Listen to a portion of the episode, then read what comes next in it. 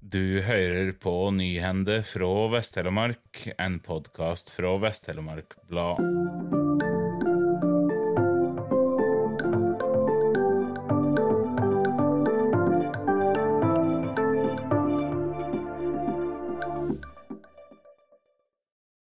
Den tidligere biblioteksjefen i Kviteseid, som var dømt til ett år og seks måneders fengsel, har nå anka dommen.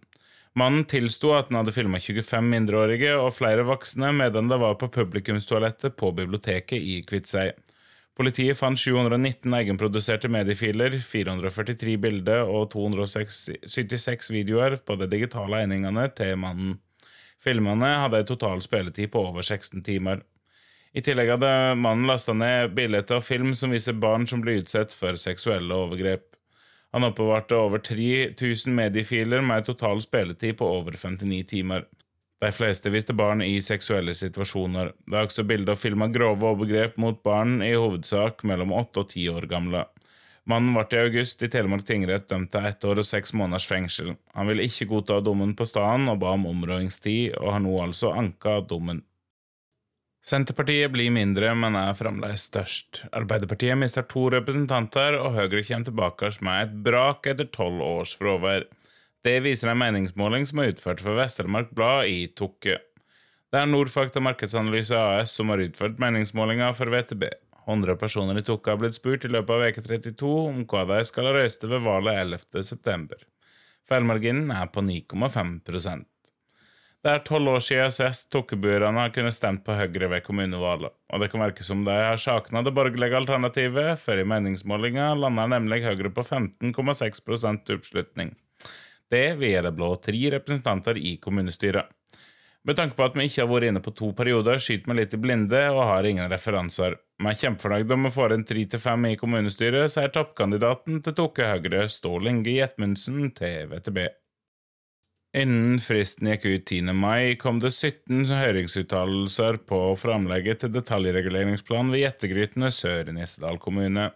Uttalene er lagt føre politikerne i kommunen, som skal ta stilling til reguleringsplanen i det siste møtet før valget 7.9. Blant de som har kommet med uttale, er Nissedal Skogeierlag, som bl.a. hevder at reguleringsplanen er i strid med interessene til skogeierne og den standarden de er pålagd å dyrke etter.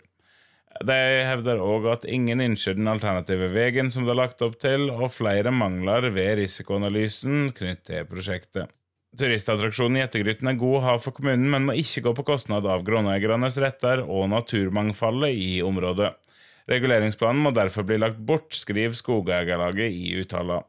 Plansjef Sveinung Seljås har lite til overs for uttaler fra Skogeierlaget, og bruker ord som snevert syn, uærlig og søkt, direkte uansvarlig og forstemmende i hans svar på høringsuttalelsen.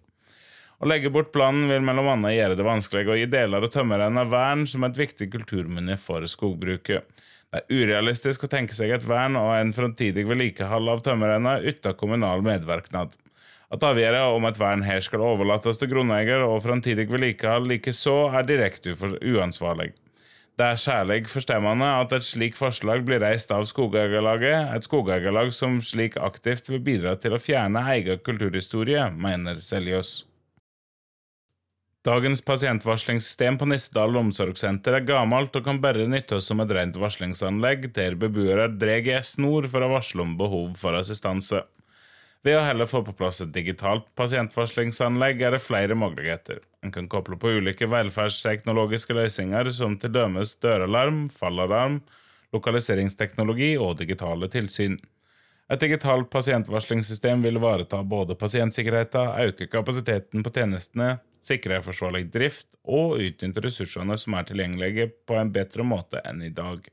Det vil også være med på å dempe behovet for personell i framtida, noe som vil bli svært essensielt med tanke på de allerede store rekrutteringsutfordringene i eininga, heter det i sakspapirene til kommunestyret. 7.9 skal politikerne ta stilling til en kommunal løyving på IVI 1 million kroner. Resten av investeringssummen på dryge 2,3 millioner kroner blir dekket av Husbanken. Tusen takk for at du hørte på. Denne sendinga var produsert og presentert av Aslak Kringhus for Vest-Telemark Blad, og musikken er laga av Symre Taugbølbang.